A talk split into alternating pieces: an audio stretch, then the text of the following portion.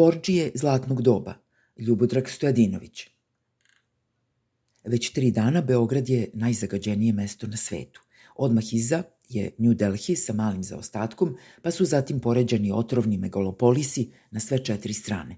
Biti prvi u takvoj konkurenciji jeste podvig, mada na prvi pogled stanovnicima prve i najotrovnije palanke u Srbiji ništa ne fali. Hodaju ulicama, udišu punim plućima čađ, teške metale, opasna isparenja i spasonosni organski smrad. Samo mrtva junadi huj osjeća svaki nos od bogoslovije do višnjice. Nema bolesti koja ne živi slobodno u toj odvratnoj gradskoj bari ispunjenoj životinskim leševima. Nikakvi apeli ne pomažu, malo ko zna adresu za žalbe na kvaran vazduh koji postaje opijum za pluća. Mutanti, evolucijom nastali od nekada zdravih ljudi, poletno se kreću po gradu i udišu sumpor dioksid ili nešto još zamamnije. Svi su postali zavisni od otrova, možda bi se i pogušili da ima samo malo više kiselnika. Otrovi su amalgam koji nas drži na okupu, nas smirene zombije koji nemaju gde da uteknu, niti da se pobune protiv toksične klaustrofobije.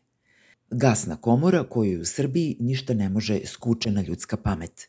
Sve dok odnekud ne stigne sveta košava, vetar podunavlja i pomoravlja, uzaludni čistač istočne Srbije i Šumadije od gadnog ustajalog zraka oblikovanog nadmoćnim ljudskim duhom. Svaki od naših gradova je mali bopal sa odloženim dejstvom – Hiljade ljudi umire godišnje od zagađenja i teških bolesti izazvanih stalnim trovanjem i gušenjem. Domaća zdravstvena statistika to ne beleži precizno, umire se iz bezbroj razloga, smrt je opšte mesto. Oblici trovanja su raznoliki, a trovači na izgled to rade nenamerno, iz nehata i ravnodušne nebrige. Baba Mara iz Šapca je u poslednjim godinama života krenula da privređuje berući pečurke.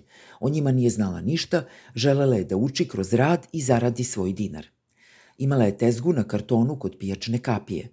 Buhara, bljuvara, zelena pupavka, raznolike gljive poređene tako da izgledom očaraju gurmane. Da nije slučajno otrovna, ma jok, jeftino je, bolje od junetine. Beda je na obe strane te uboge tezge.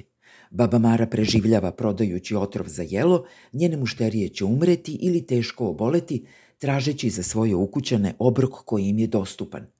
Možda baba nije znala šta prodaje ili joj je bar bilo svejedno, ali nikada se nije usudila da za sebe spremi svoju berbu.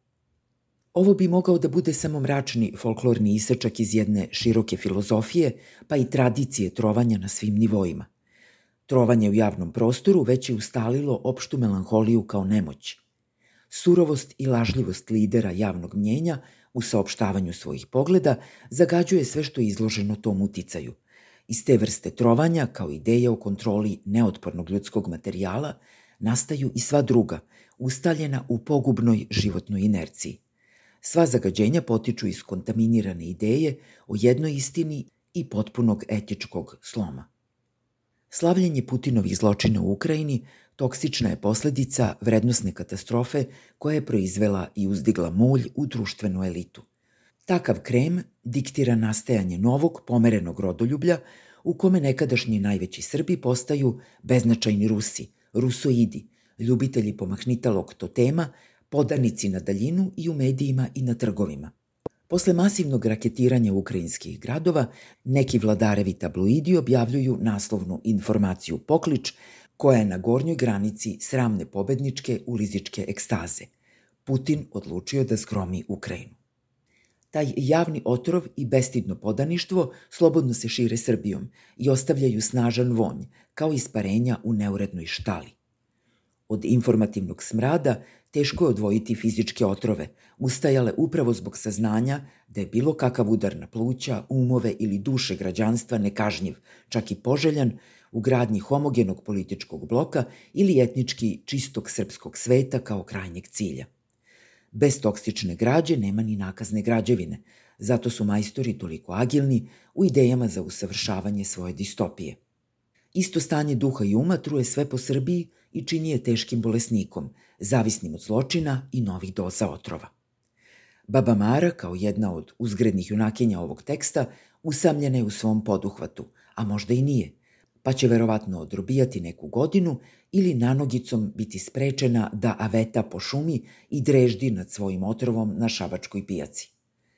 Ona je ovde neupadljiv maneken smrti, bez griže savesti, nimalo nedužna, umešana u opasni pohod na ljude i njihove glave. Mali masovni trovač, lukrecija među staricama, lice podmukle smrti koje se savršeno uklapa u vreme najavljene propasti.